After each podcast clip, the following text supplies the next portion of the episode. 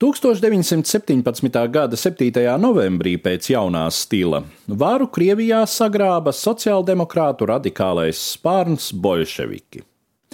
Ļoti daudzi uzskatīja to par pagaidu problēmu, pareģodami šim režīmam drīzu galu. Arī pašiem bolševiku līderiem bija vairāk nekā skaidrs, ka noturēt varu milzīgajā impērijā būs daudz grūtāk nekā to sagrābt. Šai cīņā viņiem bija nepieciešami radikāli līdzekļi, un bolševiki bija gatavi tādus lietot. Par šādu līdzekli kļuva Viskrievijas ārkārtas komisija cīņai ar kontrrevolūciju un sabotāžu, kura ar jaunā režīma rīkojumu tika izveidota 1917. gada 20. decembrī. Sākotnēji jaunajā organizācijā darbojās apmēram 40 līdzstrādnieku, taču jau pēc dažiem mēnešiem šis skaits bija trīskāršojies. Tautā viņus visai drīz sāka godāt par čekistiem. No krievu vārdu Čerizvičainaja komisija, ārkārtas komisija, saīsinājuma ČK. Zīmīgi, ka arī daudz vēlāk, kad padomju drošības struktūras vairāk kārt mainīja savu nosaukumu, to darbiniekus neoficiālā apritē joprojām turpināja saukt par čekistiem.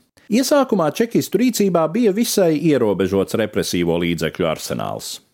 Jaunā revolucionārā vāra bija atcēlusi nāves sodu. Vecā tiesu un cietumu sistēma sabruka, tāpēc pret režīma ienaidniekiem varēja vērst samērā maigas represijas. Pārtikas kartīšu atņemšanu, publicēšanu tā dēvētajos tautas ienaidnieku sarakstos, īpašuma konfiskāciju. Tomēr jau visai drīz, sāsinoties cīņai par varu Krievijā, ārkārtas komisijai tika piešķirtas daudz nopietnākas pilnvaras.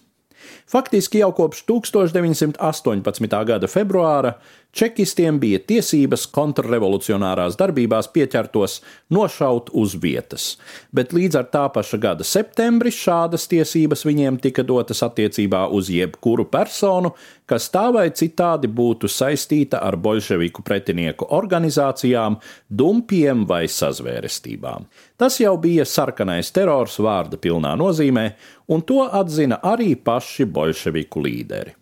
Jau nepilnu gadu pēc organizācijas radīšanas, 1918. gada oktobrī, Krievijas kompartijas centrāla komitejas apspriedē vairāki augsta ranga bolševiki paziņoja, ka ārkārtas komisija kļuvusi par visvarenu organizāciju, kas stāda sevi augstāk nevien par oficiālajām varas struktūrām, padomēm, bet arī par pašu komunistisko partiju.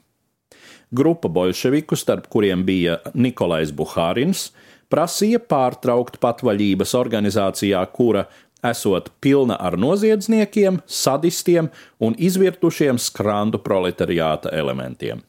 Tomēr šādi viedokļi sadūrās ar niknu pretreakciju no tobrīd visietekmīgāko revolucionārās Krievijas līderu Ļeņina, Trotska un Staļina puses. Ļeņins paziņoja, ka šie kritizētāji esot aprobežoti inteliģenti, kuri nespēja paraudzīties uz sarkanā terora problemātiku plašākā perspektīvā.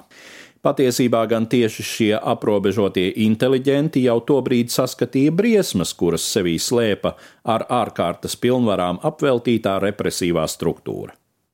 Radīta vienas partijas varas nodrošināšanai, Organizācija jau visai drīz kļuva par ieroci vēl šaurākas grupas rokās, un starp citu šai varas cīņā nežēloja arī savus kādreizējos radītājus.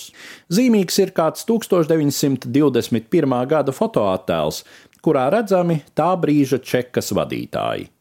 Poļu aristokrātu pēcteči Feliks Dzeržinskis un Vjačeslavs Menžinskis, ebreji Jozefs Unšlihts un Ābrams Beļeņkīs, kā arī aizputes saimniekdēls Jēkabs Peters. Dzeržinskam un Menžinskim palaimējās nomirt dabīgā nāvē, taču pārējie trīs - Unšlikts, Beļenkīs un Peters - gāja bojā 30. gadu beigās tā dēvētajās Staļina tīrīšanās, kuras īstenoja ārkārtas komisijas funkciju mantinieks, iekšlietu tautas komisariāts jeb NKVD. Stāstīja Eduards Liniņš.